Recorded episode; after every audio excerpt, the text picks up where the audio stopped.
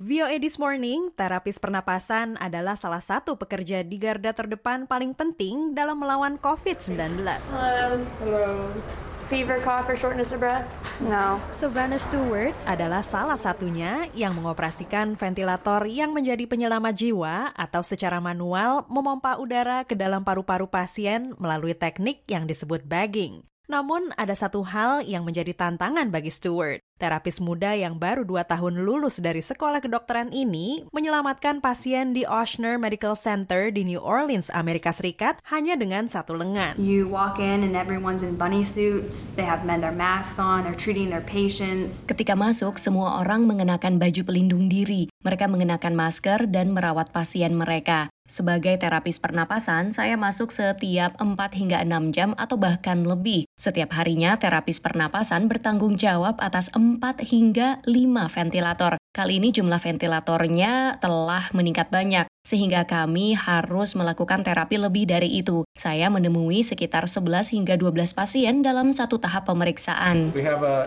AVR patient coming from surgery. Stewart yang terlahir tanpa lengan kiri sering kali bekerja sampai 12 jam dengan mengenakan alat pelindung diri dari kepala hingga ujung kaki. Bagian ujung lengan kirinya ditutup dengan sarung tangan yang direkat dengan pita pelekat untuk melindunginya. Menurutnya, bekerja di lingkungan yang steril banyak tantangannya. I don't have the two hands, I have the one. Saya tidak punya dua tangan, jadi saya harus berpikir apa yang harus saya pegang selanjutnya dan apa yang harus saya gunakan untuk melindungi tangan saya agar tetap steril. Stewart mengatakan ia sangat menikmati pekerjaannya dan telah menginspirasi sesama. It's so rewarding. I mean, Pekerjaan ini sangat memuaskan diri saya. Kebanyakan pasien yang melihat keadaan saya lalu terkejut. Mereka banyak bertanya kepada saya dan saya menjawabnya. Sungguh luar biasa.